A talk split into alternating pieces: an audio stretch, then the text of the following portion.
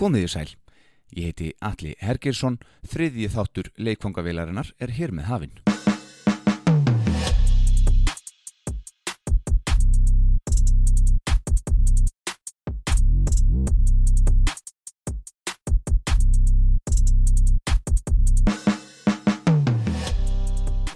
Tónlist frá Akureyri og nágrenni er rauði þráðurinn í þessari fyrstu þáttaröð. Við fengum til okkar hann Fúsa Óttas úr barafloknum í síðasta þætti sem var afar skemmtilegt spjall en við höldum áfram fulla ferð. Það er Estreia Dam Léttul sem færir ykkur leikungavillina. Gestur þáttarins hefur náð ansi langt. Ég þykist vita að hann reyndi vel og lengi og var oft á barmi meiksins fræga hér á landi. Hann hóf ferilinn sem trommuleikari um nýja ára aldur en eftir að það komi ljós hversu góða rödd hann hefur þá var hann færður aðeins framar á sviðið. Síðustu árin hefur hann þó sest á ný bak við trommusettið en heldur þó söngnum áfram þaðan. Sem betur fer enda býr hann yfir frábæri söngrödd. Hann hefur lengi verið viðlóðandi hið íslenska tónlistalíf en þó fyrst á Akureyri meðal annars í hljómsveitónum Byltingu og Amma Dýrun Báðar þessar sveitir náðu aðtikli á landsvísu en hvoru þeirra kemst nálagt aðtiklinni og vinseldum sem núverendil hljómsveit hans hefur náð.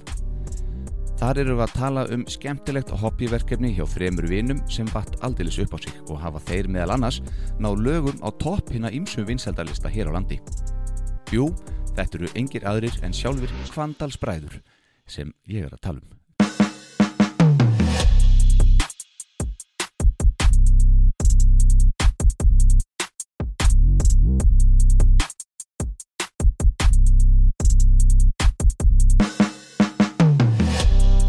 Þið þekkið öruglega lalalægið en kvandalsbræður hafa gefið út fjölmarka plötur og nokkri nýjir meðlimir hafa bæst í hópin og leiðinni en þeir eru þó kannski þekktasti fyrir líflega og skemmtilega framkomu á tónleikum þar sem farið er með gamanmál á milli laga.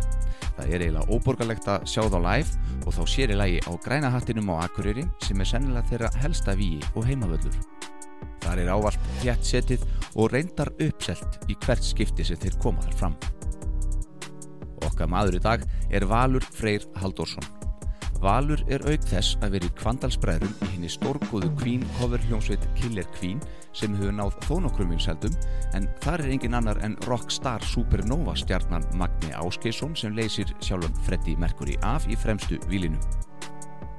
En það er ekki allt. Okkar maður er líka sjúkraflutningamaður, hjúkrunafræðingur og kennari, svo eitthvað sem nefnt. Þannig að það er ekki alltaf grín og glens í kringum okkar mann eins og við fáum að heyra hér á eftir. En það er hann Valur Freyr, Valur Kvandal sem ætlar að segja okkur sína sögu. En fyrst, þá skulum við fá að heyra hér lag sem tengir okkur við Val Kvandal.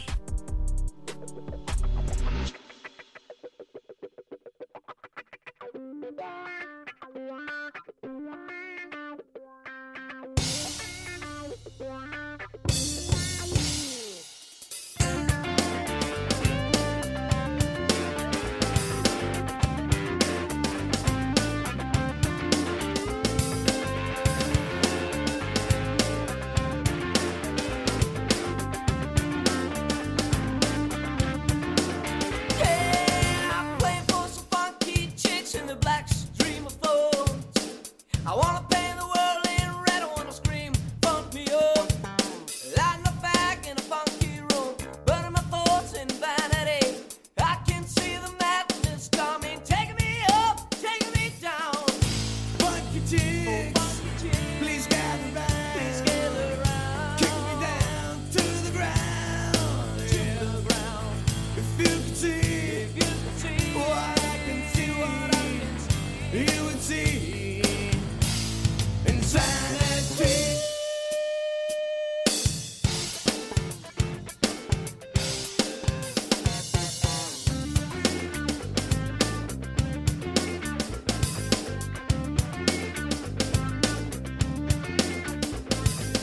Stupid people standing like trees. If you cut their legs, you make them scream. Sometimes I think we're blind. I can see the world like stupid war. I know you want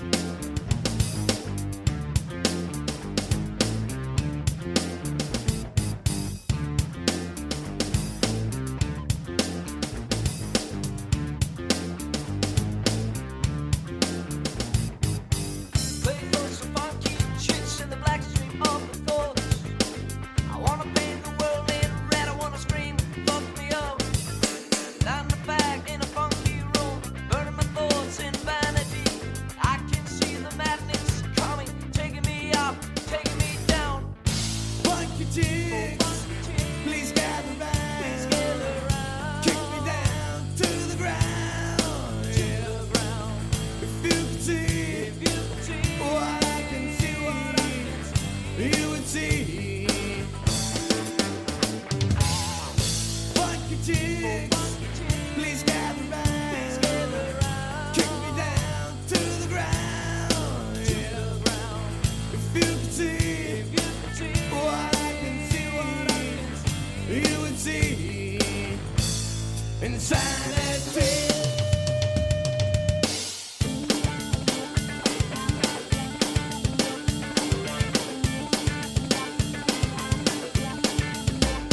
Valur Freyr Haldásson Já. Vertu velkomin Takk að þið fyrir Hvernig er það? Nú spyr ég þig bara eins og ég spurði Fúsa sem var hjá mér hérna í þetta síðast Já, fúsa fallbissu Fúsi Fallbissa, já. Já, Það er eitthvað saga þú voru að segja mér viðnefni Já, Já, það- hann er bara svo flottu trommari og, og sterkur trommari já.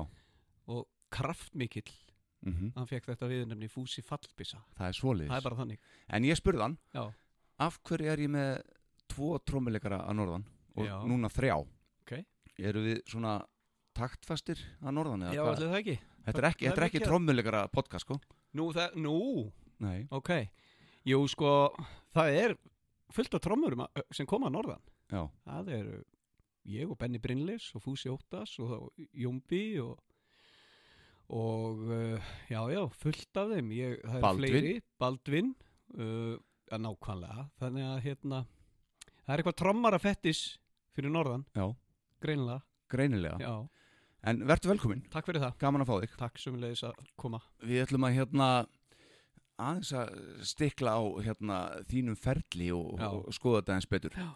Uh, byrjum bara á byrjunni. Aha. Þú ert nú bara uh, hérna, vekja aðtegli með kvandalsbræðurum já, uh, upp á síkastið. já, Hvar byrjar?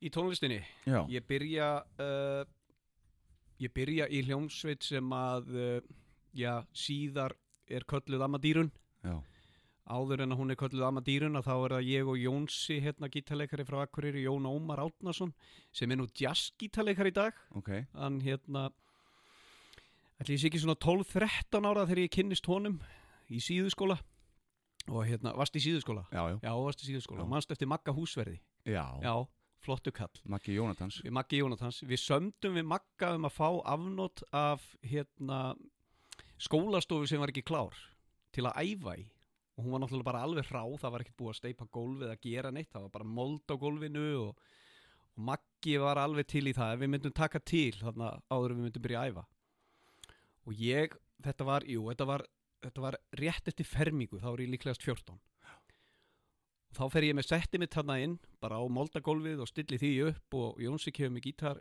hérna, gítarinn sinn og svo fáum við Sigga hérna frændans hérna, Sigurur Jósef mannst eftir honum, ljósherður Já, já. lítill, já, Já, já. Siggi, Já. snillingur Ertu á ekki bassa, með S- Siggi Hólunni. jú, Siggi hólunni Já, alveg akkurat, rétt, já, jú já. og við byrjuðum þrýr og mér minnir að þetta band, þetta fyrsta band hafi verið kallað útlendingarhæðslan Já, og það var þannig að við vorum ráðnir strax á að vera að leita af einhverju verkefni fyrir Akureyrarbæ, eitthvað vínabæðamót til að fara til Álaborgar í Nóri og spila og við settum saman þetta band ok. þannig svona, þannig svona byrjar þetta hjá mér en, en ég byrjar að spila á trommur nýjára inn í bílskúr og þú veist, þannig að spila eftir hérna Sverri Stormsker og, og hérna þessum hetjum öllum sko bara með kassetutæki og Sverri Stómsker og Já. þessum hetjum. þessum hetjum Já. já, á þessum tíma var náttúrulega Sverri Stormsker og er enn Já, já. hetja, hann er flottur og hérna þannig byrjar þetta hjá mér, bara inn í bílskur og svo, svo byrjar þetta útlendingarhæðslu dæmi og við förum hann út að spila og svo bara erum við að spila á alls konar skólaböllum og hljónsveitakeppnum og svo upp úr þessu leiti kynnist ég honum summavinum mínum, Já. bassaleikara sem er með mér í Kvandals Já.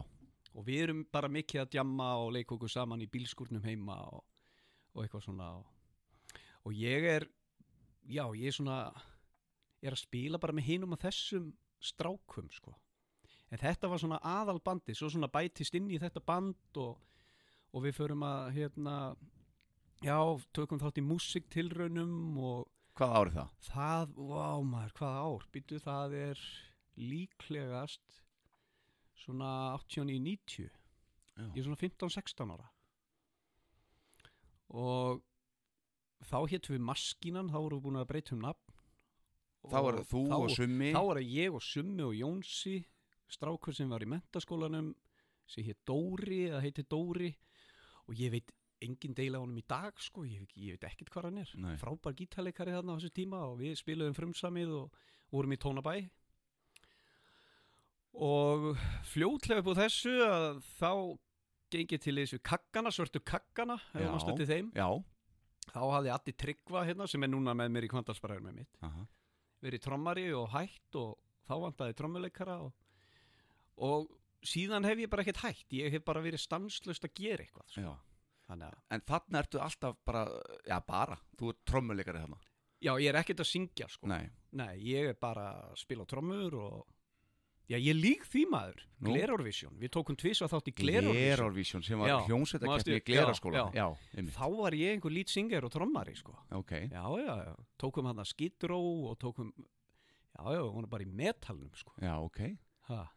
Og hverjir eru svona þínir áhrifavaldar í, í, í tónlist? Í tónlist Já, Veistu Þú veist, af hverju trommur, þú veist hvað? Ah, Það var nú eiginlega út af Pétri frænda mínum Ok, Pétur Guðjóns já, hann var með trommusett heima á sér og, og þegar ég var gutti ja, ok, þetta byrja kannski þegar að fyrst við vorum að tala um fúsa 8 sáðan já, að þegar að ég er svona 6-7 ára í einulundinum Akureyri að þá eru Fúsi og, og Gústi bróðir alltaf að leika sér Mhm. og þeir eru töluvert, töluvert eldri en ég eru 6 árum eldri en ég eða eitthvað og Fúsi var með trommusettið upp í stofu heima á sér Já. þar sé ég þetta fyrst og fæ að pröfa sko. bara 6-7 ára þannig að Og- Fúsi sem var hjá, hjá mig Já, síðast, líklegast er Fúsi sko áhrifavaldurinn magnað, og ég gleymi því aldrei sko, ég fekk að pröfu þetta trómsett, fekk eða fekk ekki hvort ég hef stólist í það sko og hérna, svo er ég bara farin að fara í, út, í, út í bæ og ná mér í alls konar tunnur og sagði sundur og setja svona stólbögg sko já, og vera með heima hjá mér og berja allt í tætlur sko já, og síðan kaup ég þetta forláta trómsett af Pétri Guðjóns kannski þegar ég er svona 9-10 ára eða mamma kaupir þetta svona blandi póka og alls konar trommum sem að voru eiginlega handónýtar sko já, og með smetlu trommuskinni og, og þú veist, allt svona bylgjað og handónýtt sko en virkaði vel fyrir brotnir þig. diskar og eitthvað bara geðveikt fyrir Já. mig sko, bara alveg geggjað og þá var það bara kassutækið headphone, Sverri Stormsker og spil eftir þú veist. svona byrjaði þetta Já, já, og hérna, já, þannig að áhrifavaldandi er náttúrulega Fúsi og, og klárlega Pétur vegna þess að ég fylgdist mikið með honum þegar hann var að spila og já, var mjög hrifin ég hef alltaf verið rosa ofvirkur aðtiklisprest og svona þurfti eitthvað að berja og gera eitthvað sko og vera virkur Já. þannig að þetta lá bara beinast við fara Ok. okay. trommunar sko, já. klálega Þannig að þú ert þarna, þú myndist á svörtu kakkana, já, en uh, áður en að, uh, sérst við koma því, þá ertu með þarna Summa og Jónsa já og, og, og hvað gerist eftir og það? fleirum já. ballabassaleikara Já, sem var í Amadýrun. já, sem var í amma dýrun Já, hvað gerist eftir það? já hvenar, til dæmis Amadýrun, hún er stopnuð með, það er mjög langt Amma- síðan, ekki satt? jú, Það er bara jú, ég meina amma dýrun er að 80 eitthvað. spila líklegast frá svona 89 til svona 93, 4 Já, gæti ég trúað eða 93 kannski og þá, þú byrjar á trommum Þar- þar, já, ég byrja á trommum þar ég er eiginlega allan tíman á trommum þar en var ekki nei, Sæ, ég, lí- ég Sævar lík því, Benjaminsson jú, var þarna? jú, þú minni mig á það Já, jú, jú, jú, ég er fyrstu árin í ömmudýrun að tromma svo höfum við skipti, ég fer í frontin Já. og sæi ben, já, tekum við á trommum einmitt, og við spiluðum allar helgar út um allt á einhverjum hestamannaböllum eða eitthvað prógram sem að bara fungeraði alls ekki sko, nú, allir brjálaðir og eitthvað, við vorum bara rockarar sko, Já. við stildum bara að spila hérna Alice in Chains og eitthvað, þú veist, eitthvað, eitthvað þannig, eitthvað dropadæmi já, manstu og- eftir já, já, dropanum? já, já, já, Þú veist, spiluðum allar helgar á dropanum svo kom einhverju gæjar og "Ó, fáum okkur til að spila hérna á hestamannaballi og við bara, já, hell yeah, bara fullt af peningum og ekkert mál já, En föttuðum það ekki að þeir voru að leita af svona ringdans og einhverju svona drasli sko sem við vorum ekki tilbúinir að spila Þannig að þetta endaði langoftast við dauðadruknir og að spila eitthvað sem að fólk vildi ekki heyra já. en við vorum mjög sáttir Ég er með hérna smá kvót frá þér ok úr dagblæðinu Degi oh. 1. desember 1990 Já, þar segir Valur eða sem stúð spurður Já. hafið þið spilað á mörgum stöðum Já. þá segir Valur já, við höfum komið mikið fram til dæmis á uppbánum í sjallanum já, og á skólaböllum og svona svo höfum við spilað í Rútafyrði og Hörkadal brjálega að gera hestamannumóti var það í Hörkadal Alveg klárulega Já. já, Já. já. hrúta fyrir því Býtu, hvað var það? Ég veit það ekki. Nei, ekki ég heldur, ég man þetta ekki En ég man eftir, eftir þessu, við voru einhver hestamannaböll einmitt, allir þetta hafði ekki bara verið það já, ha, örglega Já Og þannig er ég 16 ára sko og ekki komið bílpróf og þannig snýrist þetta um að drekka og hafa gaman sko já, einmitt Já, búið til nákvæmlega. tónlist og drekka hafa gaman Já, þú veist, eða aðalega spila tónlist eftir aðra sko já, og hérna þetta, þetta ömmu dýruna dæmi var svo súrt sko, ég menna við spiluðum helgi eftir helgi eftir helgi á, á dropanum já, eða uppanum uppbánum og ég gleymi því aldrei þegar hérna einar vert á dropanum var að fara að loka staðnum ringdi í okkur hljónsettun og baði okkur um að hitta sig og vegna þess að hann vildi fara yfir einhverja skuldir já, barskuldir og eða, við komum og ég man ekki upphæðina en svona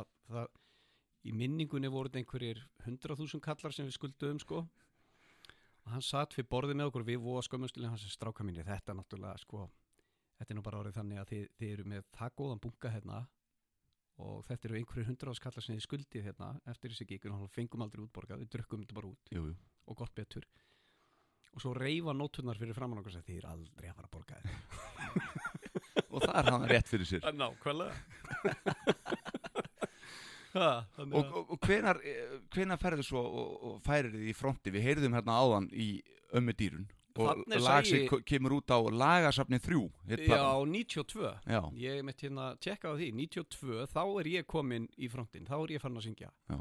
Þá er sæ ég komin á, á trommunar En h- hvernig kom það til? Þú Veist, hva, af, af hverju, nú ert þú með hörkurödd Já, ætli það hafi ekki bara verið Okkur vantaði söngvara Já. Jónsi var eitthvað að syngja Og svona var ekkert alveg til í það Og okkur bara vantaði front Við höfðum engan frontmann sko. Mhm. Þannig að hérna að því að ég gætt gólað eitthvað sko og var búin að góla og öskra og eitthvað að, þá var það bara ákveðið að, að pröfa það Já, síðan já býtu nú við, nei, já við vorum, jú, við vorum búin að pröfa frontmann alveg rétt Hver er Vitta það? Einars já, Viðar Einars já, Vitti kom í frontinn fyrst og það, hann stoppaði stutt við ég man ekki nú út af hverju það var sko. við vorum ekkert óanað með hana, hann var fínasti söngvari sko. en allavega hana hætti Vitti og, og ég tók frontinn, já, það var eitthvað svo leis okay. sæ ég kom inn uh, Amma dýrun Já. ánum við uh, hverjum ömmu dýrun já. þá verð ég að spyrja út í nafnið Amma dýrun dýrun var móð var, var uh, móður hans Begga sem að spilaði með okkur í með dýrun var, ég nefndi Begga á þann gítarleikara Já.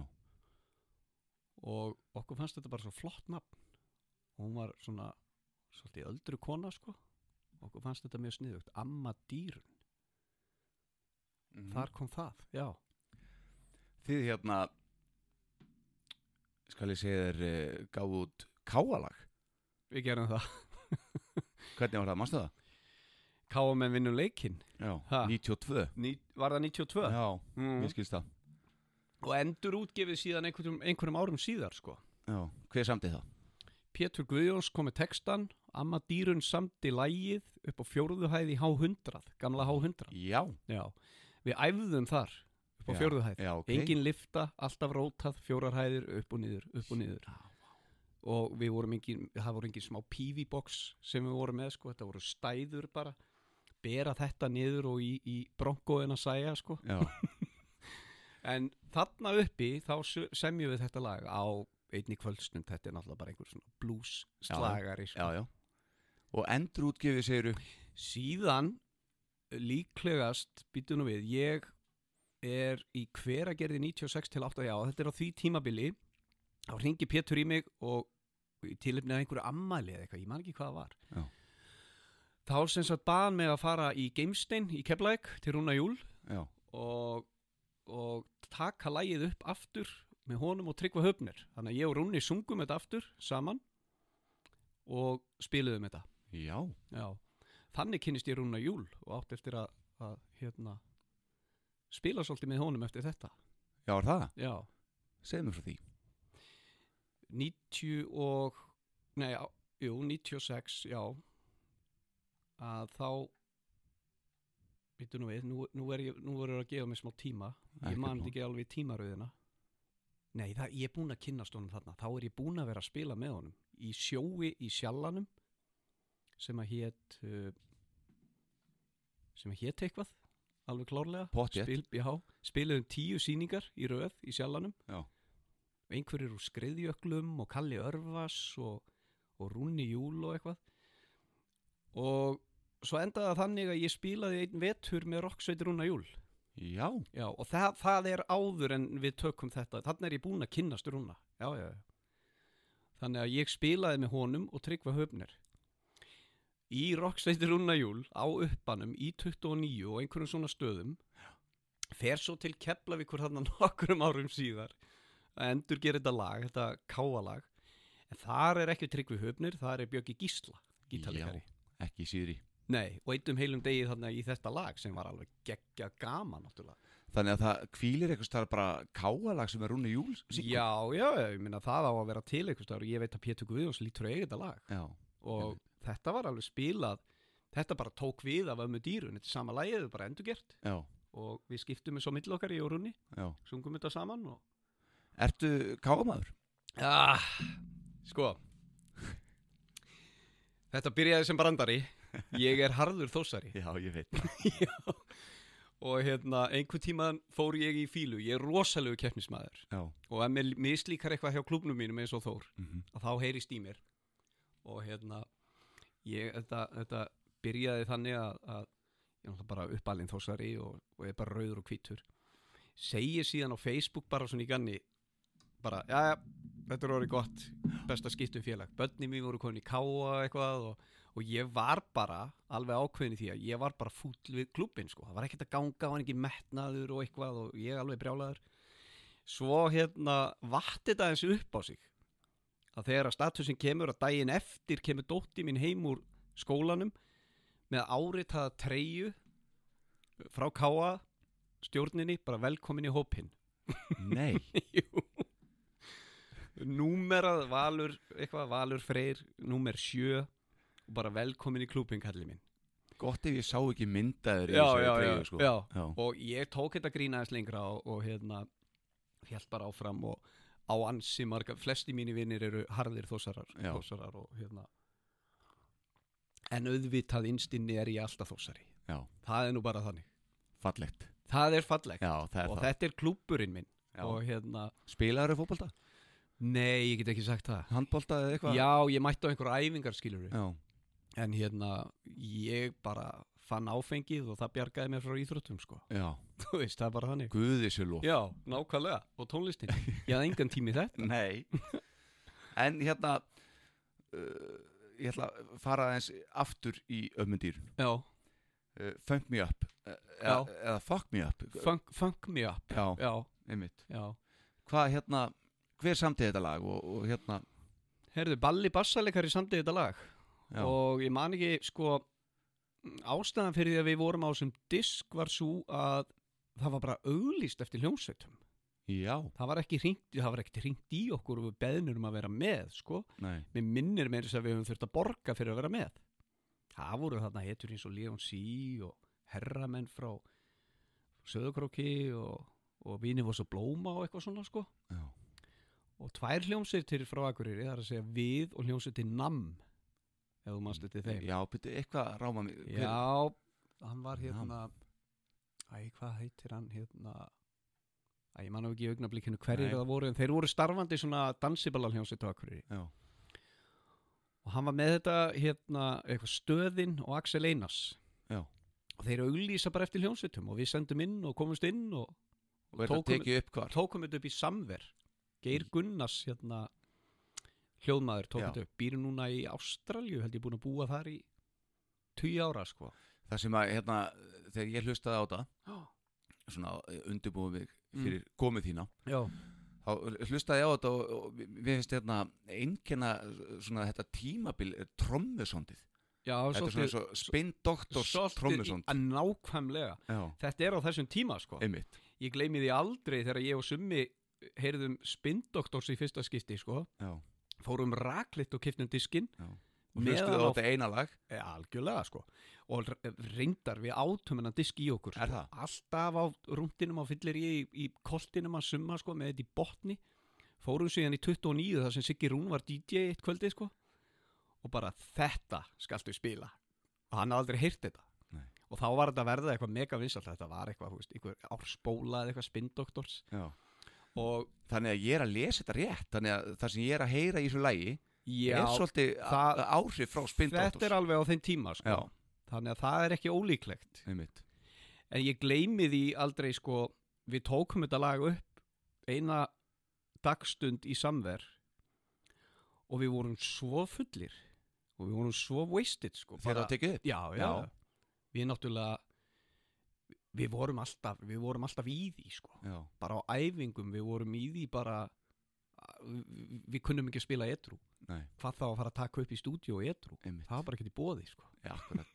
en þú trommar þetta ekki, þú syngur þetta bara. Nei, ég tróma þetta ekki Nei, Sævar Já, trommar já, þetta. já. Ok, Ég voru, syngi voru, þetta bara. voru meikdraumar í ömmendýrinu, voru þið, Nei, nei, það voru ekki meik draumar sko. við, Það var ekki, ekki þannig að við værum að að liggja í húsnæði og, og semja tónlist Við Nei. vorum aðalega bara við vorum í mikilli samkeppni við hljómsveit frá Akurinn sem Pálmi nei, hérna, Haukur Pálma var í og, og Ingvar Valgis og félagar Já. sem minnum, jú, hétt Kredit já, og það var aðalega bara samkeppni við þá sko, við ætlum bara að vera betri en þeir þeir voru drullu góðir sko flotti spílarar, miklu flottari spílarar heldur en við, strákar sem voru búin að vera eitthvað í tónlistaskóla og svona Já. en við ætlum bara að rústa þeim, það var bara markmiðið sko já. það var nóg fyrir okkur Einmitt, ha, já, gott markmið. það var markmið, Og hver vann það kaplup? ég held að þeir hafi bara unnið okkur sko, við vorum bara fullir og þeir voru hérna, voru svona miklu skinsamari strákar heldur en við nokkuð tíma Já, ok. en við áttum ótrúlega stóran svona fanbase Já. ég meina, Ég var þar. var það? Já, ég Ah, já, var þar. ok Ég man eftir ömmu dýrun sko hérna á Ráðhústorkinu og Akureyri sko, upp Já. til, veist, svona skemmtanir 17. júni, Já, já, já, já. vesturumanna helgin og eitthvað já, svona. já. alls þar voru sko. við sko Já, já, þannig að hérna já þetta var ógeðslega skemmtilegt tímabil sko er það ekki? jú og þetta dropadæmi sittur alveg í manni vegna þess að þú manst eftir þessum stað þetta Já. er pínu pínu pínu lítið stað Niður í sko. kjallara og... og veist, niður í kjallara hljóðfærin bara í einu hotninu það var ekkert svið eða neitt Nei, nei. fólki var algjörlega ón í þér Já, þannig að þú fegst bara mikrofónin í framtennurnar sko ef þú passaði þig ekki og, og þetta var bara klikkað sko já, þarna spiluðu við aðra hverja helgi kredit spilaði hina helgina og svo þú veist, við skiptum, svona skiptist þetta sko. já, í, í hérna, Já. þetta samkeppnum. svo var einhver hljónsitt þarna sem hétt Frantic sem að kom hana Já. hérna, einhverju strákar hérna, Atli, hérna fótbolta sem er í Helgu hljóðfæraleikurunum Já. Atli Trommari, Já, allir rúnars. já, Atli Rúnas og hérna Finnur, mannstu eftir honum handbóltakur sem spilaði með Þór, línumadur rosa stór dökkarður, kom hann og spilaði var söngvari hjá þeim þeir komu svolítið inn í þessa baróttu sko þannig að þetta var alveg hefi tímabil sko Já, og gaman, en eins og ég segja, það voru engin meikdraumar, nei, það var ekkert ekkert þannig sko, nei, bara að vera fullir og hafa gaman já, og tókst vel. og tókst mjög vel sko Og svo eftir ömmu dýrun, þá, hvað gerist þá? Amma dýrun hættir, Amma Dýrun- hvað, 90 og... Veitu, ég- Ah, líklegast bara 93 eða eitthvað Já, já, já, já, nú að vera með þetta stærna. einhvern tíman upp úr 93 Já, sko ég er farin ég held að ég sé byrjaður að spila þarna og gæla við strákana 94 fyrir ekki, Já, 94? í já, ok en ég er byrjaður líka í svörtu kökkunum hann með já, og þá tekur það tímabil við spila með svörtu kökkunum út um allt það var, hverju voru því fyrir þá sem ekki vita?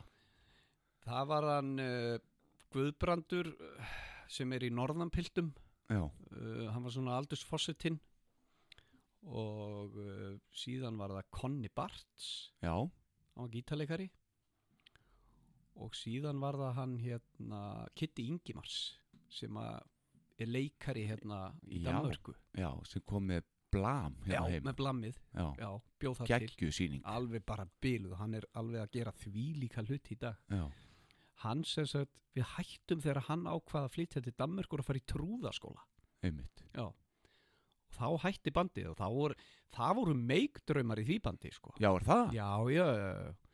það var bara, þú veist við, bara ripna gallaböksur, leðurjakki briljantín, vera töff rífa kjaft, vera töffarar á sviði spila með GCD hit upp fyrir GCD, hit upp fyrir hérna, SSOL, túruðu með SSOL túruðu með hérna, með hérna, Jet Black Joe og þetta var alveg þetta var s- mjög súrt tímabil sko og sömdu mikið Já, áttum fullt, fullt af lögum sem eru bara, held ég, hvergi til sko.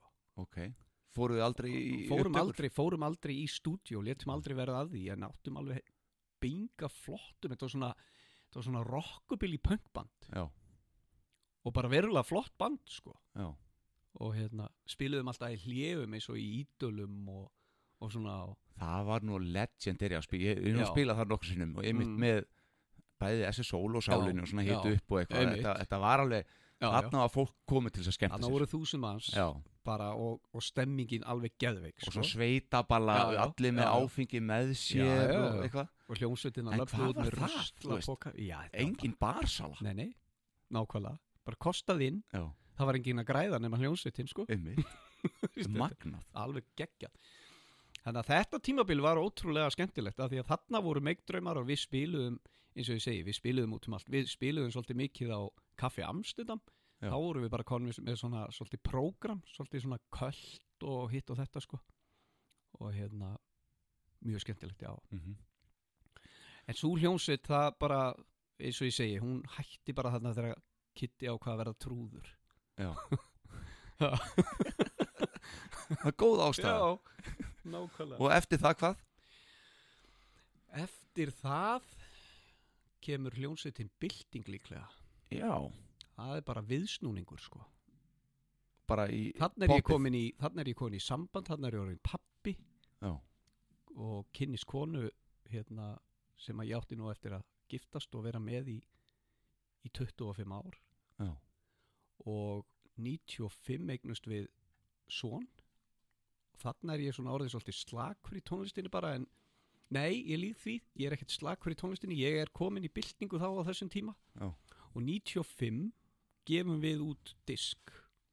Einmitt. Já.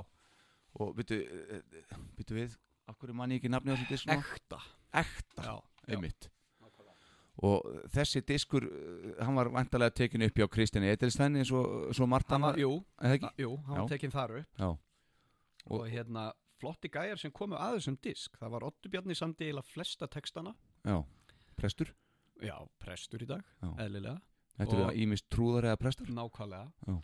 Kalli Olgirs Mhm. spilaði á hljómborði í einhverjum lögum og átti einhver lög hana. Alli Örvas spilaði eitthvað hana. Og þetta var bara, þetta er svo fyndið sko, ég, ég hérna frétti það um daginn að þessi diskur væri komin inn á Spotify. Já, er það? og ég hafði ekki heyrt hann í 20 ár Nei. og ég, ég rendi honum í gegn í ræktinni Mhm. og hann, hann bara lífir þokkalegu lífi sko. Já. það er merkilegt Þið nú eh, náðu smá aðtigli svona eh, á við, landsvísu. við náðum nefnilega þarna einu lagi, minni mig ég held að það hafi verið eitt lag sem komst inn á einhvern lista á bylgjunni, eitthvað vinstældalista bylgjunar, Já. komst bara ég, ég man það ekki hvað, hann fór, hvað lagi fór hátt, en það Nei. var mikið spilað sko. Hvað heitir það lag aftur? Ég, um, býtu nú við ég veit hvað lag Hvað að tala um heitir sko. lagið? Nei, Best of, Já, Best best. of. Já, er það ekki? jú. Já. Já, akkurat. og ég er nefnilega að gleymi þið aldrei 95 fæðist sonu minn við erum inn á konan er, konan er að fæða útvarpið í gangi og rétt þegar að drengurinn kemur út kemur þetta lag í útvarpinu Hvað sér? þetta var, já, já, en þetta var spilað alveg helling sko þetta var mjög surrealist og þetta var fyrsta lagið sem að ég hafði verið involveraður í þessi kemur í útvarp Já, og það var náttúrulega ekkert smá meik fyrir okkur sko Þú einmitt. veist, að fá þetta spilað á bylgjunni á þessum tíma sko. Akkurat. og hérna Þetta eru auðvitað fyrir tíma Spotify og Já, allt þetta bara já, já, komast í já. út það allt var er bara bylgjan á hjúts. rás 2 og stjarnan eða eitthvað sko Einmitt. og hérna og það var bara bilað að gera hjá þessu bandi Já. En þú byrjar þar sem trommelikari ekki satt? Jú, ég byrja þar sem trommuleikari og er trommuleikari þanga til að við gefum út hennan disk Það vegna þess að þá var ákveðið að, já, ég meina, ég, var- jú, ég var að syngja eitthvað líka á trommunum með byltingu Mhm. og ég syng öll lögin á plötunni Já. Tromm öll lögin og syng og, Já, þú trommar hann líka? Já, ég tromma, tromma alla plötuna já. og syng hana En þegar þið fylgið henni eftir, er þá, er þá Mm. Fúsi Óttars komin inn og... Þá kemur Fúsi Óttasinn Já, uh, Fúsi, já, við ákveðum sérst, við þurfum að halda útgáðu tónleika man ekki hvort við heldum þá í minnir að við höfum haldið þá í 1929 Já. og þá var einmitt höfðum við sambandi Fúsa og báðum hann um að vera með okkur bara á útgáðu tónleikunum mm en það gekk svona ljómandi vel Fúsi náttúrulega eins og hann er eins og okkar sá allra besti sko Já. að hérna, það var bara ákveðið að halda honum og hann var til í það hann túraði þarna með okkur í einhver, einhver tíma, hvort það var hálft ár eða ár, ég man það ekki Mhm. síðan tekur Benni Brynlifs við já, hann var í þessu líka. já, Ok, Benni kemur þarna inn bara Já, töluvert ungur yngri og, þið. ungur og óharnaður hérna, tónlistaskóla gengin trommari sko. og hérna frábær trommalíka. algjör bara mistari Ég hef spilað á Góður plötu strákur. með Benna og, veist, og já, já, hann bara eh, gerir gott betra. já, já, hann er bara frábær Já. og svo mikill atvinnumæður og þeir báðir náttúrulega þannig að við fengum nú ekki slæma trommara í staðin fyrir fúsa Nei, og þannig að við heldum þessu bara og ég fór aldrei á trommunar aftur sko. nei, Ha. akkurat. svo hætti ég í ömmu dýrun hann að ég man ekki hvenær þetta var 90 Býtu, byltingir í gangi á nei, sama... ömmu dýrun, nei, fyrir göðu Já, já, meina byltingu, byltingu, já. Eh, 90 og hvað kannski 8 eða eitthvað Já. 9, þá tekur summi við söngnum Nei, Jú. summi í Kvandalsbræðrum. já, það var þannig Já. og summi hefur svolítið verið viðlóðandi byltingu bara síðan, bylting er til í dag sko. já, þetta er band sem að þetta eru strákar frá Áskósandi já, upprunalega sko og hérna þetta er band sem að spila svona einu sinni tvisvar á ári eða eitthvað koma saman og spila og, já.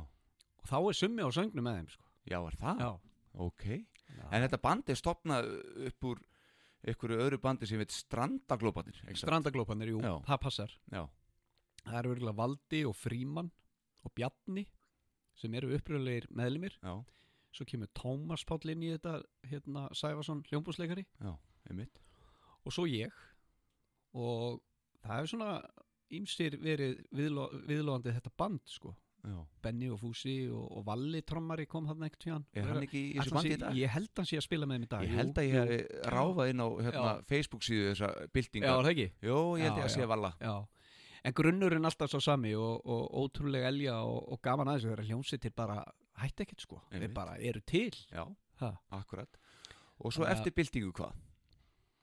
eftir byltingu að þá tek ég nú bara smá pásu sko. ég tek nokkur ár uh, er bíbar og dalvík með konunni og með krakka og svona og allt í róleitum þannig flytt síðan á Akureyri og er búin að þekkja rögga röggvald gáða Já, lengi og við hérna hittumst í partí hjá Gústa bróður einhvern tíðan 2001 eða 2 og þá er ákveðið að, að kýla á að því ég er að flytja í bæin aftur að stopna hljómsveit Mhm. nema hvað að, að ég saðist vitaðum alveg helvíti góðan hérna bassaleikara og það var summi þannig að við ringjum í summa og hittumst bara daginn eftir grútimbraðir og, og svona mötsum okkur saman við þrýr og það varð úr að við vorum svona helviti ánæðir eitthvað með þetta og með sömu svona hugmyndafræði að hafa gaman, drekka fýblast og það er hljónsti kvandalsbræður Já. og sem er nú aldeilis, uh, já, náð svolítið örgla lengra heldur en þú bjóst við ekki satt. þið þið Jó, byrjuð. miklu lengra sko, ég meina við ætluðum aldrei að gera neitt sko, Nei. þannig, Við- ég meina við ætluðum bara við ætluðum bara að vera í húsnaðinu, vera fullir þetta, mitt líf snýri svolítið um þetta sko, Þetta er eins og heyrist Já, þetta er að koma heim og saman. Já, bara hafa gaman, Já. drekka skemmta sér, Já. þú veist spila sem minnst, æfa sem mest hins vegar, Já, já. og hérna svo bara f- omvendaðist þetta einhvern veginn, þetta bara varð þannig að við vorum að spila allar helgar En er þetta ekki fyrirgjöðu? Er Já. þetta ekki bara, eins og ég sagði í ingangnum hérna áðan já. þetta er bara ykkur enga húmor, smá party sem bara blés út Jú, og, og bara fór algjörlega öfu átt sko Já, Jú, þetta var akkurat það þú veist, þetta var bara hérna þeir eru þrýr, þrýr þrýr gæjar sem koma saman bara spila saman og máli var sko, ok, hvernig getum við gert þetta þannig að þetta verði ekki vinsælt það var bara þannig og ég er ekki að grínast við bara, ok, hvernig, þú veist kvandalsbræður, ok, ömulegt nafn Já. bara, þú veist og, og segjumst bara að vera um einhverjum afdölum við erum bara þrýr bræður komum fram í lópapeysum með hatta og þú veist, gerum bara eitthvað eitthva steikt og þú veist og hérna, þú veist, þetta verður ekkit vinsælt svo vitum viti menn svo förum við og, og fljótlega erum við búin að semja inn á plötu Já. og förum á suður er yfir súandafjörð af platan öllum s- út úr kú út úr kú, fyrsta platan já. tekin upp á einum laugadegi á, á, í stúdíó við, við hérna á Suðureyri á söðri Ok. Suðureyri, okay. einhverstað fyrir vestan súandi fyrir Súandafjörði keirum þangað í 8 tíma eða eitthvað, stillum upp og eðlilega áfengi haft um hönd mm -hmm. á þessum lögadegi, klárum þessa plötu allt saman tekið upp einu sinni og sá sem að tekur hana upp hann í raun og veru um morgunin segir hann strákar ég íti bara hérna á rekk, Já. ég þarf að skreppa í vinnuna þið rettið þessu bara Já, þannig að við bara fórum hann upp í sal og það var ítt á rekk og við fórum upp í sal svo er bara talið inn í það var bara bassatróma snerill og hæjat, ekkert meira kassagítur og bassi tókum öll lögin, rúluðum þessu og that's it, platan klár en af hverju á söðri? vegna þess að, að Röggi átti þessi, þessi gæi sem tók okkur upp og hann vonandi fyrirgefur mér ef hann hlustar á þetta, ég man ekki hvað hann heitir Já. en það kemur að hérna, sem ítt á rekk og fór yfir akkurat Já. og hérna þeir voru félagar og hann bauð okkur bara að koma í þetta stúdíó og, og borguðum held ég ekki mikið fyrir þetta Mhm. og þessi plata náði eirum rásar 2 við vorum ekki að þvinga þessu upp á þá heldur Guðnimár Henningsson Já, og Freyr Eyjúlsson voru þarna hákallarnir á þessum tíma í, Já. hjá Rástvö 2003 Já, og Guðni var svona hrifin að lægi sem heitir Svartalski bændur og búalið Akkurat Já. Og spilaði bara þetta lag algjörlega í drastl Já, og hérna og við vorum bara mikið spilaðir síðan þessi plata var bara tölvöld mikið spilaðar á Rástvö já, ok og hérna algjörlega í óþökk okkar vegna þess að við ætluðum ekkert að, við ætluðum, við gáum út 500 eintök, Já. við ætluðum að selja þetta bara svona til vina og vandamanna þeir sem að vildu eiga þetta og það var aldrei neitt meikmarkmið sko Nei, en svo bara, já bara mikið hringt, mikið bókað og þetta endaði þannig að við vorum að spila bara hver einustu helgi stundum nokkur gig þú veist á laugardegi komum fram þú veist í hálftíma sem skemmti að Já. vorum aldrei að þú veist halda tónleika eða spila fyrir balli eða neitt svoleiðis heldur við sögum bara ok við getum gert þetta svona við getum, við getum komið fram á einhverju kvenfélagsskemmtun og vopna fyrir því í 30 mínútur fyrir 300 skall annars komum við ekki þá bara já ekkert mál flott oh, ok þá var farið þákað og svo bara herðu því að fara á reyðafjörð og spila fyrir bingofélagi Bjössa hérna frá hálf nýju til nýju og vera með einhverja skemmtun já flott ok og svona vatt þetta upp á sig þá til við vorum fannir að spila á við vorum fannir að spila á hérna, þjóðháttíð í eigum með klukkutíma program þar á einhverju kvöldvöku á stóra sviðinu og við vorum orðnir bara nafn já, og fólk var farið að hlusta á okkur og hafði gaman að þessu ég meina við vorum að taka, taka einhver elgumil íslensk lög líka á Breytheim og, já og hérna, þú veist Þar nú be- ber svolítið hátt uh, mæstjarnan Til dæmis, já, við tókum mæstjörnuna upp á okkar arma og, og, og, og breyttum henni svolítið og mæstjörnan var mjög mikið spilað á tímabili á Rást 2 og, og er ennþá spilað á Rást 2 kringu 1. mæ, eða á 1. mæ Já. og hérna og já þú- þú veist, þetta gerðist bara óvart hjá okkur Já. sko. og þið voru alltaf í svona lopapeysu með þessa hatta og Já, við, við vorum í svo lopapissum þrýr þarna á spilu, vorum síðan þegar við förum að gefa út annan og þriðja diskin okkar hann í kjölfarið þá erum við farnir að halda tónleik okkar en að hattinum, sem er ykkar heima öllu sem er okkar heima völlur og við erum klárlega svo hljómsitt sem höfum spilað lang oftast þar Mhm. við byrjum bara þegar græni hatturinn byrjar og í raun og veru Röggvaldur var nú fremsti maðurinn í því að, að svona hvetja haug til þess að breyta þessum staði í tónleikastað, pröfa það Já, og peppa hann áfram og á tímabili var bara haukur að gefast upp í upphafi sko já, já, það var bara ekki alveg að gera sig og röggi bara, jú, geðu þessu bara séns og haltu bara áfram og fórum hann á hjálpuðum honum að breyta hans sviðinu og röggi á mikið með haug aðstóða hann í, í alls konar og við spiluðum hann kvöld eftir kvöld, öll fimmtudagskvöld já, og mér byrjaði þannig að við spiluðum fyrir 15 manns og svo allt í nú komið 20 manns á tónleika aftur og svo allt í nú komið 100 manns og síðan vorum við farnir að spila fyrir fullu húsi Já. þá fórum við að færa út kvíarnar og fannst þetta orðið gaman að spila tónleika með, þú veist, búin að gefa út 2-3 diska Mhm. þá vorum við farnir að fara á Sauðakrók og Vopnafjörð og Egilstaði og eitthvað svona Já. það var bara alltaf fullt, einmitt bara tróðfullt á tónleikum frá 9 á kvöldin til 11 eða eitthvað skilur já, sérst ekki Bíl ball og, ha, Ekki ekki ball, ball. nei, bara tónleikar með Já, okkur já, og hérna, ég meina við vorum að fá 180-200 manns inn á staði á, á Söðakróki Já. bara fórum þarna bara mjög reglulega og, og bara seldum upp, já bara tónleika en uh, tónleika með ykkur uh, ég nú farið á nokkra já, og þetta er nú pínur svona uppistand líka þetta er, Já, já. Þetta er skemmtun já, þetta er skemmtun já, og það er það sem við löðum upp með í byrjun bara hafa gaman, vera fullir Já. Röggi er góðu sögumæður já, Röggi, þú segir sögur á milli laga Já.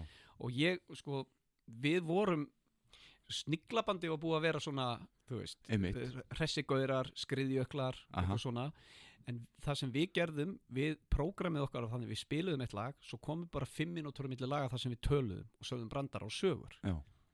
og það er náttúrulega að fólk bara hafði gaman að því og þetta var, þetta var alveg nýtt sko. Já. og hérna gekk svona ljómandi vel og þetta gekk svona hjá okkur í, í nokkur ár og já og við höfum bara verið ótrúlega hefnir með það kvandalsbræður að við höfum alltaf spilað fyrir ég held, já, við höfum yfirleitt bara spilað fyrir fullu húsi bara Já. uppseldu húsi þegar við spilum Já. og hérna, það er óbúslega gaman sko. já. Þi, þið gefið út þarna út úr Q2003 svo kemur Mhm. hérna hrútleðinleir Hrútleðilegir sem Á- ári Kristi, síðar. Kristi tekur upp Kristi Edelstein já, Já, og þar á eftir ríða feitum hesti já. og uh, þar á eftir 2007 kemur skástof Þá, já, þá voru nákvæmlega þið komnir í svona pínu svona fullorðis ekki, Jú, ykkur sko. samning og Þá allt í hennu kemur samningur sko. já, Þá er okkur bóðin samningur Þá 2007 2006 erum við búin að spila á þjóðháttíð Já. Og við erum búin að vera að spila á öllum þessum hátíðum við, Ég man það þegar við vorum að spila á í, í sem sagt, eigum 2006 að þá vorum við með flugvél, flugum á milli lands og eiga, áttum að vera annar staðar þannig við vorum á Galtalæk sama dag og svo vorum við einhver staðar sama dag við vorum bara út um allt Já. og hérna síðan er okkur bóðin þessi samningur frá senu, Mhm. sena vildi gefa út sapdisk að þessum þremur diskum já, og hérna það voru bara samningaviðræður og, og, og, og, og bara engin smá bara auglýsing fyrir okkur sko, Við- ég, ég gleymi því ekki, ég lappaði inn í kringlun eitthvað tíman inn í skífu sko, að þá var alveg hjúts raukt, eldraukt plaggat sko, með okkur þremur í lopapeysunum framan á bara í búðinni og ég bara, wow við erum búin að meika það og og við ætluðum ekki eins og og gera það. ætluðum ekkert að gera það, þú veist og hérna og það var, það var alltaf talað um held ég tveggja platna, platna samning Já. en við riftum honum já, já, það var bara þannig við, þú veist, við nettum ekki að standa í ísorðið eitthvað og það gekk eitthvað illa að fá borga fyrir plötuna eitthvað þannig að við bara herðu, við nennum þessu ekki Nei. þannig að við viljum bara eiga okkur sjálfur þannig að komu tvær plötur út þarna skástof og þá Nei, það kom, knúsum st- já, um stund. knúsumst var ekki samningsplata, eða sem sagt ekki frá Nei, hún- stef já, ok, það er, Nei, hvað hétt það? Ekki stef, heldur Sena. hérna sena, segi ég. já, hann er skástof er uh, bara sér Já, já, skástof er bara sena og þeir sáu algjörlega um og ég minna, þú veist, þessi plata, hún var seld allstaðar. Já. Og hún var en hún seld í kemur ykkur Hagkaup píliti á, á kortið og- Já, algjörlega, Já. algjörlega. þannig er Og- komið alvöru dreifingu og, Já, já, maður er fann að lappin í búðir og sjá sig allstaðar og plaggutum og eitthvað, þannig að vera að auglýsa diskin og þeir gerðu heldur til mikið úr þessu, sko. já, Og hérna, þetta var voða spennandi og svona, en já, en við vorum ekkert rosalega hrifnir af þessu vegna þess að við höfum selt þessar plötur hérna áður þessar þrjár hérna gáum bara út 500 eintök og, og, og bara vorum bara með peningana í, í ruslapoka og skiptum þessum peningum og vorum bara sáttir sko. en þú veist við vorum ekkert alveg til í að okkur fannst þetta spennandi fyrst og þetta var a- allt frábært hérna með hennar samning en svo bara svona eftir að var bara nei, höldum bara áfram að gera þetta sjálfir já, gefum bara út fjórðadiskin sem var knúsumst Já. og seljum það bara í 500 eintökum þú veist. og þessar plötur eru vantilega bara ófáanlegar í dag Já, nema sko- bara Spotify og já, ég meina þessi ég, skripur já, ég sjálfur á ég á knúsumst í einhverjum einhverjum tíu hérna, eintökum Já. ég á ekki hinnar nei, þú átt ekki hérna. Nei, hinar. ég á ekki hinnar og, og, en nei, þú færðar ekkit í dag Nei. þannig að þetta er, þetta er bara þetta er eBay safngripur já, ha, akkurat þessar plötur en eh, sko eh, talandi um hérna eh, þessa búninga, þessa Já. lópapeysur Já. og, og þessa hatta hvað er hitta mm -hmm. Þú getur alveg ímyndaðir, já þetta var svolítið, orðið svolítið heitt þegar þið stóð á sviðinu á Akkurat, græna Þú hattinum getur og, ímyndaðir, ég meina og svo breyttuð um búning Já, svo breytum við búning Þegar að, það er að láfið yfirliði hjá okkur einu sinni á græna hattinum sko. já, Þú veist, Það var bara þannig að það- Ég meina þetta var bara 80 gráðu hiti á hausnum á þér sko, þú veist, Græni hatturinn stappfullur af fólki og þú bara varst fann að sjá tvöfalt og riða og þú bara stóðst allir lappinnar skilur við. Bara út af hita Já. Þegar þetta var bara, Við fengum bara sko hita örmögnun já, stundum já, og summi, summi hafa komið hjarsláttar og reglur og eitthvað og hérna, við bara herðið, ok, þetta, er bara- þetta er bara orðið gott, nú skulum við bara, nú förum við bara að hérna, skiptum búninga Já. förum bara í stuðbuksur og bara skýrtur bara já, þetta er ekki hægt sko já. þetta var alveg bíluð hugmynd sko En, en þá, þá koma fleiri menni í þá koma fleiri menn inn í Abbi bandi Tryggva sko, þetta er þannig að áður en að knúsumst kemur út, Mhm. þú sagðir 2007 það er Eh, líklegast rétt. Skástofið 2007, Já. Knúsumstef 2008 knúsumstu 2008 þá ráðum við tvo menn inn í bandið Já. við hérna fengum leið á því að vera þrýr okkur vantaði fleiri hljóðfæri og vildum gera eitthvað skemmtilegra Já. og vissum að Valmari Mhm. hérna fiðluleikara hann náttúrulega þvílíku snillingur nýfluttur í bæinn og við ákváðum að, að funda með honum og Pétri hérna Hallgríms Mhm. í tónabúðinni, gítarleikara sem var alltaf í, í rockbandinu í gamla daga og, Já, já.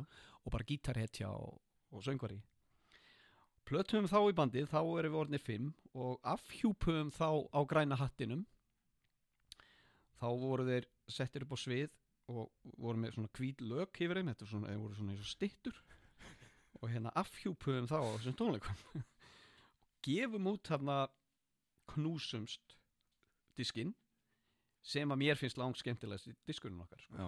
þá eru konum með fiðlur og harmonikur og mandolín og þú veist, ramaskítar sko Já. og orðið pínur svona meira sko Já.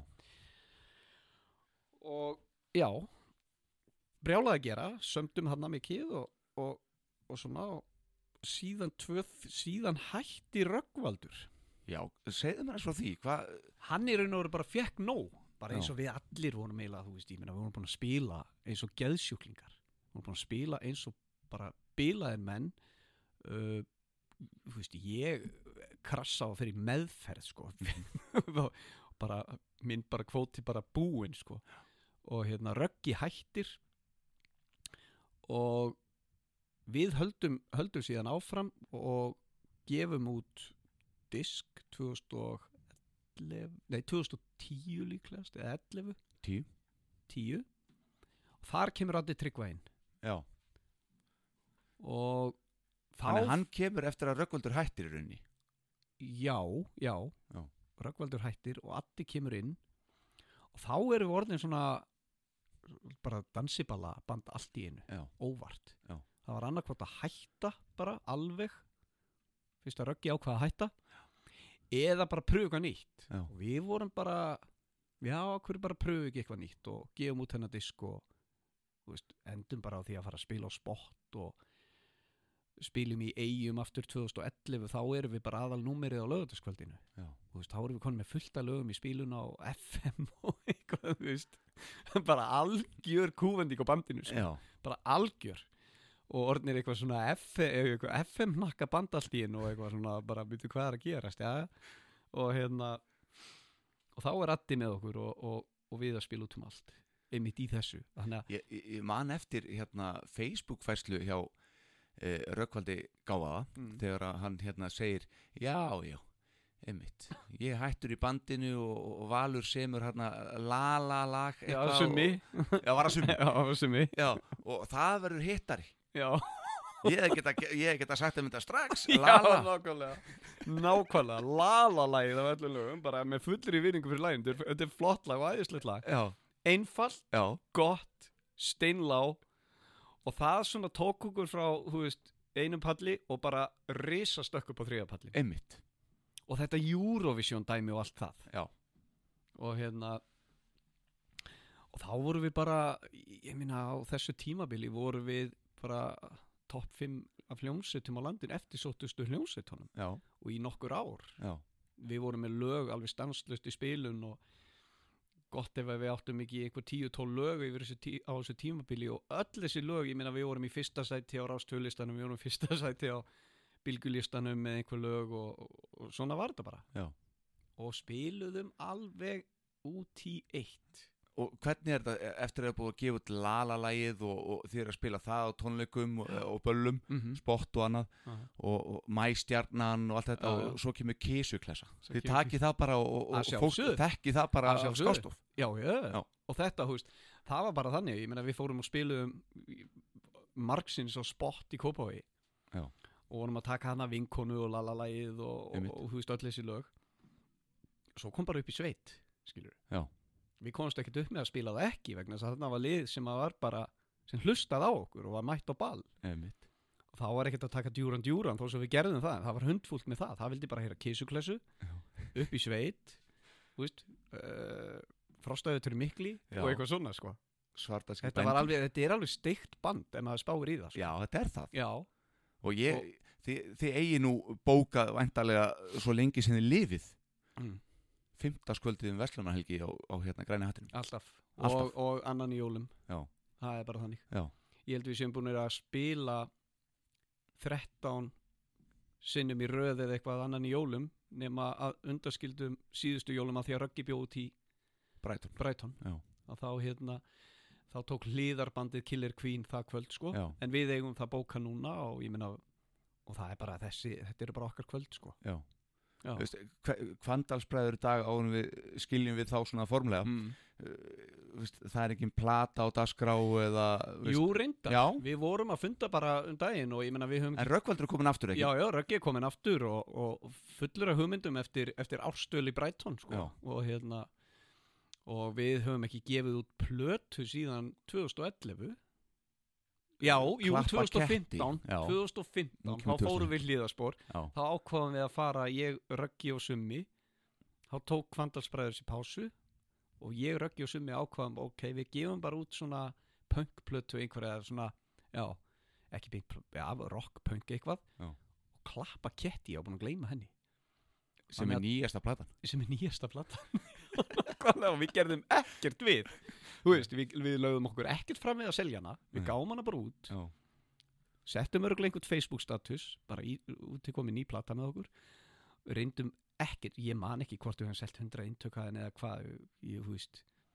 en þetta er fín plata, sko. já, alveg þokkalegasta plata einmitt þannig að jú, við rættum það um daginn að við ætlum að reyna að fara núna í vor og, og, og, og hérna gefa út fyrir sumari næsta eða eða hausti 2020 já. Og erum við að tala um uh, þá Kvandalsbræður eins og allir eins og hún er í dag Já, Já. og, og við erum, erum við að tala um Lala-lægið útgáfa eða erum við Nei. að tala um Kísuklesja við erum að tala um að fara í, í kissuklessu dæmið Já, og meira út í, í hérna knúsumst já, svona, einmitt svona svolítið þjólaðarokk kannski Já. þú veist En pínur rætunar ykkar já og pínu rætunar okkar en, og, og gera þetta bara alminnilega Mhm. það hefur aldrei verið rosa metnaður að gera eitthvað alminnilega í kvandalsbræðurum Nei.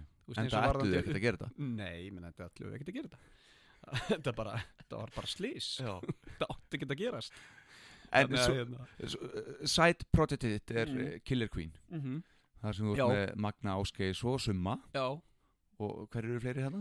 Einar Þór hérna dundu fréttum Já, Val- æðisluður gítalegari alveg bara indislegur Já. og hérna og Valmar og Addi Já. það band stopna ég árið 2010 Það var og sem bara sagt- svona til þess að koma að Já. þetta er coverband fyrir já, Queen já, Já. 2010 líklegast fyrr 2009 ég er semst mikill aðdáandi Queen Já. alltaf verið bara frá því að Polly Já. hlusta mikið á það og eitt kvöldið er ég heima bara að YouTube og hlusta á það og, og drekka bjór og í feeling og ég hugsaði bara með mér býtu, hvað er ekki bara að stopna hverju ekki bara spila kvín Já. Magni er að flytja í bæinn það var þannig að hérna, ég frétti það konan hans var í komin hérna að kenna hún er vinkona minnar fyrirverandi já, og hérna já ég ringi bara í Magna á morgun ég ringi í En Magna af hverju hann? Uh, þá var hann búin að vera að syngja kvín með fjölbröð og selfoss í einhverju Já. sýningu ok og ég hafði heyrt það og hrefsta því já mér finnst það mjög flott mér finnst hann taka þetta mjög vel og líka Magni bara þekktur söngvari og, og hefur attraction sko Já. og ég bara já ok ég ringi bara í hann og kynnti mig bara fyrir honum og spurði hvort það væri til í að funda með mér og ég væri með ákveðna hugmyndum um hljónsveit og síðan bara uh, var þarna gítarleikari brasilískur Tiago Trinsi sem var Alveg rétt. gítarleikar, gítarkennar í Ólasfyrði Aha, alveg sturdla góður gæi sko já. og hérna, hvað er hann í dag? hann býr í Svíþjóð já, hann spilaði með okkur í nokkur ár og svo fluttuðu til Svíþjóðar og hann er að kenna mikið þar og, og spila bara út um allt Já. og já, ég hérna rappaði saman mönnum og ha- var bara, ég var bara búin að stillu pljónsveitin í hustnum sko, ringdi í gæðan og þá var allir til og við bara tókum eitt gig á græna hattinum það var bara fullt, gekk vel ætliðum bara, þú veist, það var ekkit ekkit þannig að við ætliðum að ég meina, við erum tíu ára í dag, já, við erum tíu ár síðan einmitt og hérna ætluðum bara að spila eina kvöldstund og sjá hvernig þetta gengi og þetta gekk svona ljómandi vel að við erum bara, erum alltaf að spila reglulega já, og Einar kemur hann inn 2000 og hvenar var það? Já, hann er búin að vera núna einhver sex ári hljónsettinni eða eitthvað mm og þannig að við vorum bæði með Tiago og, og, og Einar og ekkert smá kombo sko einmitt og Addi kemur hann eina aðeins setna, Valmar kom fyrst, Addi kemur setna, þannig að bandið er núna ég og Valmar og Addi, Summi, Magni og, og Einar Þór. Já.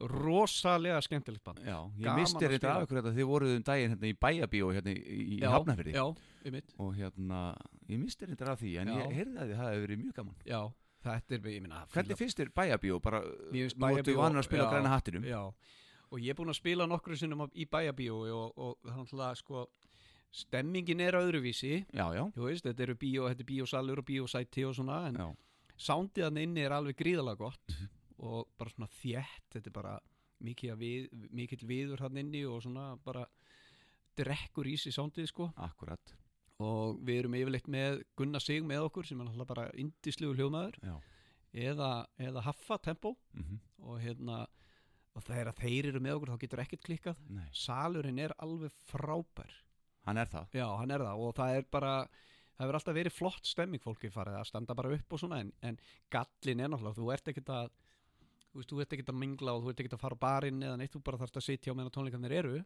já, það er svona verður aðeins öðruvísi stemming en, en samt sem áður bara húsið er alveg geggjað sko. já, og gaman líka sko að þeir skuli taka þetta koncept eins og græni hatturinn byrjar með aha, að vera með tónleika frá nýja og kvöldin til 11 og þá Já. er þetta bara búið akkurat og þetta vantaði alveg hér og Já. ég man að við vorum að koma suður í gamla daga og spila á stöðum eins og Rosenberg eða NASA Já. vorum að halda tónleika þjóðlíkus kjallar já, þjóðlíkuskjallarann en þá varst ekkert að byrja fyrir 11.30 12 einmitt þá varstu bara galin eða þú ætlaðir að byrja klukka 9 sko.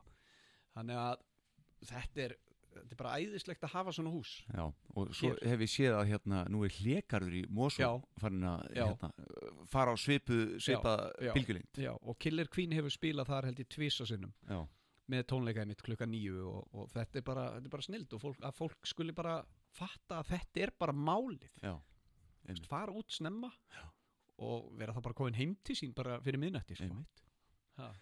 En hvernig er með svona þig, svona persónulega? mína persónu bara í Já, nú, einkalífinu. nú er ég að spá í Já. sko, þú, þú sagðir á hann, þú hefur farið í meðferð og, já, já, og hérna, ertu, ertu edru í dag? já, ég er það Já, og ég hef alveg tekið nokkur hliðar spór sko. já, en já, ég ég tel mig ekki þurfa að ég þarf ekki á áfengi, áfengi að halda sko í dag nei Þú ert En- alveg nógu skemmtilegur já, þú veist, ég, já, ég er alveg komin yfir það fyrir að vera fullur hvar sem ég fer sko. Já, en ég bara tók það tímabil út já, og allir þetta, bara, allir þetta heiti ekki bara þróski já, er það ekki ha, jú, ég held það Nú, þú starfar sem eh, hérna, sjúkraflutningamæður Já, ég er sem sagt starfa hjá slökkulið Akureyrar Já. og búin að starfa þar síðan 2002 Já. búin að menta mig bara vel upp þar og er sem sagt eh, slökkulismæður og svo er ég hjúkrunafræðingur Já.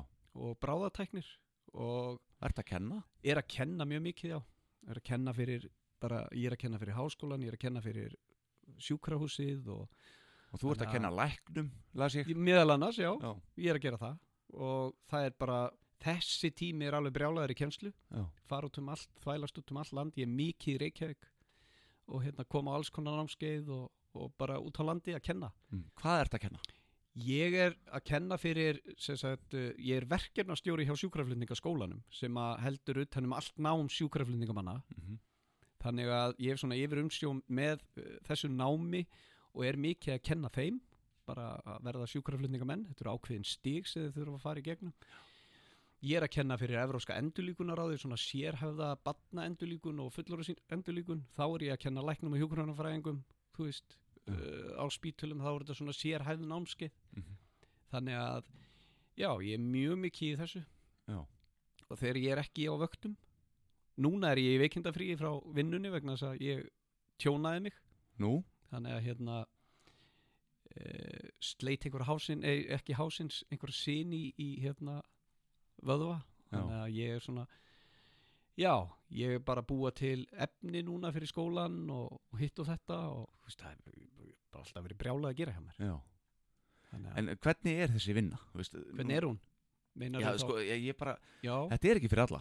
nei örglega ekki sko en Þú ert að koma að alls konar já, já, já, og ég meina ég, upplifa. Það er, þetta, ég meina, eins og ég segi þetta er vinna og maður sett sér í gýrin sko og eftir því sem að þú uh, verður reynslu meiri og, og í vinnunni þú, ég meina við, ef við erum að lendi í einhverjum erfiðum málum sem við lendum reglulega í, skilur ljótum aðkomum að þá fáum við aðstóð, þetta er rætt og við, þú veist, það er áfallateimi og ég meina það er vaktinn og, og svona, við höldum vel utanum mannskapin okkar Mhm. en ég meina, ég, ég gleymi því aldrei þegar ég var að byrja í þessu 98 á sjúkarbíl að, að hérna fyrsta ljóta slisi mitt að hérna það var Situr í rosa- Já, það gerir það sko eða, þú veist, það situr ekki í mér kannski en, en ég gleymi því aldrei þú veist, ég er ekki að hugsa um það Nei. en, en þú veist, og þá er mitt á þeim tímapunkti, ok, er þetta eitthvað fyrir mig en mér fannst þetta rosalega spennandi ég hef alltaf verið svona spennufíkil sko Mhm. og, og svona svolítið ofirkur þannig að hérna, þetta einhvern veginn bara lág fyrir mér og, og þetta er bara það sem ég kann og Já. geri í dag, þetta er bara mín vinna sko. Þú sagðir eitthvað staðar eh, sem ég las á eh, internetinu fræga Mhm. að hérna, sem sagt, þetta er eitthvað sem róar þig í erfiðum aðstæðum þá Já. róar þetta þig Já, þetta er svona aðtiklispressunni, þannig að vera í fókusera Já, Já, þarna Það- nærðu utanum þetta já og, og, og það, er einblínir á eitthvað alveg þannig, eitt. það er Já. alveg þannig sko. Já. Þetta er svona eins og þú þekkir ef maður er með aðtiklisprest og þú hefur kannski minni áhuga á einhverju og þá ertu bara út um allt og þú ert ekki að sinna þessu alminlega En þegar þú ert komin í þetta starf og ég hef gríðalegan áhuga á þessu starfi ennþá eftir 20 ár í þessu Já. rúm Já. að hérna ég verð fókuseraður í aðstæðan Mhm. það er einhvern veginn virka svona svolítið eins og hérna bara, hvað segir maður, eins og rítalín Ég skil þig í- fyrir heilan sko Já, Að maður, já, þannig að ég get verið mjög fókuseraður í þessu já En svo ertu búin að vera í pínu forsvari fyrir þessa stjætt fyrir norðan og ég einhvern tíðan að komna upp eitthvað erfitt mál hjá okkur ekki satt innan, Einelti innan stöðarinnar og, Já, þetta var svona fjölmela það, Jú, það var, jú, jú það, uh, þegar ég kem hann inn þá eru erfið mál í gangi Já, og varðandi bara yfirstjórn og bæin og allt það og mikil tókstrita og svo kemur eineltismál þarna og við erum svolítið dregnir inn í umræðina sko sem vondukallanir mann ég já, já, eða út að, eða út að vitni í það sko einmitt og hérna ég bara svaraði fyrir okkur Já. í raun og veru og hérna útskýrði bara svona svolítið á mannamáli kannski Mhm. hverskins væri en án þess að draga einhverja inn í umræðuna eða þannig ég meina en síðan eh, þá að þá hefur þetta þá er þau vandamál úr sögunni og, og í dag er þetta bara allra besti vinnustæðar sem ég get hugsað mér já. Og Mikið hugsi eftir vel um allt- Já. hvort annan eins og sagði ráðan algjörlega, þetta er allt félagar þetta Já. er allt menn á svipuðum aldri og þetta er bara þetta er ein stór fjölskylda, sko. þetta er rosalega sérstakt umhverfi Já, Þú þú veist- trúa því vegna þess að þetta er atvinnulið sem þýðir það að við erum á vöktum allan sólringin við höfum okkar herbergi við, minna, við megum leggja okkur á kvöldin ef það er ekkit í gangi við borðum saman, við, við förum í gufu, við förum í rektina, við eigðum hann að 12 tímum á dag saman og hérna það skapast bara svona svolítið fjölskyldu umhverfi, já, krakkarnir að koma í heimsók, þú veist, konunnar og hérna þannig að þetta er ekki, þetta er ekki þessi típiski vinnu, vinnustaður sem að þetta er flestir svona kannski- home away from home Já, þetta er þannig sko já. þú veist, við gerum margt saman og mikið en uh, talandi um þessa fjölskyldu já, þá gerist nú svolítið áfallana 2013 mm. flugslís Já. 5. ágúst já, já, þar sem að uh, vinnir þínir einfallega Mhm. uh, deyja já, já það er bara þannig Og- og- varst þú að vakt þá eða nei, Mhm. þetta var alveg gríðalegt áfall Já. bæði bara fyrir, fyrir samfélagið já, þarna farast tveir einstaklingar vinir okkar, flugmaðurinn Palli Já. og hérna, sem by the way var í poppinu hérna í gamla dag Já, í já. skurk og já, já söngvarinn í já, skur já, söngurinn í skurk eðalmenni alveg algjörlega og Pétur Róbert Mhm. og þá það var, eins og ég segi, það var gríðalegt áfall sko og Já. ég var á Akureyri þegar þetta gerist og uh, þetta er svona um verslunum hana helgi eða í kringum hana já, og ég er hérna stættur hjá heima á teyndaföðu mínum og maður heyr, við heyrum í sírenum og og við Já, já. heyrum svo allt innu herðu, þetta eru, það er eitthvað í gangi núna Já, eitthvað stort já. Og, og svo sjáum við þetta á, á, á MBL eða eitthvað svoleiðis já, og, já, og ég og hérna, teyndafæði minn heitinn við hérna, keirum og, og, og, og þetta er bara þvílík Mhm. aðkoma mm Mhm. maður hefur aldrei, ég fæ bara gæs út að tala Já, um ég þetta, sko. geri það þetta, líka, er- ég- þetta er eitthvað Mér- og sjá þessar, þessar ekki oft um þetta vídeoupptökur og annað sem að þetta er Já, já. ótrúlegt hvað gerðist þarna Þetta er alveg með ólíkindum og líka bara það að, að vaktin og bara þeirra aðkoma þeirra við koma að þessu, ég kem ekki að þessu sjálfur Nei. uh, var ekki mættur hana en, en fæ bara hringinguna strax og, og fer þarna fer upp á spítala þar sem að svona, eru búið að setja aðgerðir í gang Já. en fyrir vaktina að koma að þessum vettfangi þeir eru raun og veru vissu ekkert hvaða vél þetta var fyrir en þeir komu upp yfir Nei. að þá fyrst sjá þeir það að, að þetta er vélin okkar í pörtum sko Mhm. og þetta er náttúrulega verðið þvílíkt högg fyrir alla og, og, og liðið og Pétur Róbert átti bróðir hann í slökkuliðinu og, og einhvern veginn verður bara slökkuliðið lamað sko. Já. og ótrúleg hjálp frá þeim hérna fyrir sunnan hjá slökkulið höfuborgsræðisins Já. þeir senda strax bara mannskap norður bara til að leysa af og við erum bara sendir heim Já. ekki sendir heim, við bara förum bara þetta er bara hóp, hóphefli og, Já. og þetta, lið- þetta sálfræði og- þjappaði ykkur saman já, auðvitað gerir að það með tímanum skilur og, og ég meina þannig erum við allir að missa vinnufélaga, tvo vinnufélaga og, og, og hérna já, vorum bara óstarfhæfir sem slökkulið í einhver tíma meðan að menn voru svona uh, ná tökum á þessu og, og, og já, komast í gegnum þetta Já. þannig að þetta þetta er, ég meina, þetta er það er alltaf vont að lenda í slísum og, og fara í slís og erfitt en, en við megum alltaf búast við því að þekkja einhverja, þetta er lítið samfélag Já. heima Já. og hérna, segðu mér að frá því, hvernig er Já. það uh, þú lítur á lendi því já, já að þekki eitthvað já, já. persónulega sem að er Já, í já. aðstæðum sem þú ert að díla við Já, já. Og það er, það er einhvern veginn, þetta er vinna í það skipti sem, að, eh, sem maður er að vinna í verkefninu. Já. Og svo kemur þetta, þú veist, eftir að þá hérna tekst maður bara á við það. Já. Og hérna, og maður er raun og veru bara að gera sitt besta. og þetta tvinnar þú saman við gleðisveitina Algjörlega Hvanndalsbræður. og hefur bara, ég meina tónlistin bara bjarga manni. Já.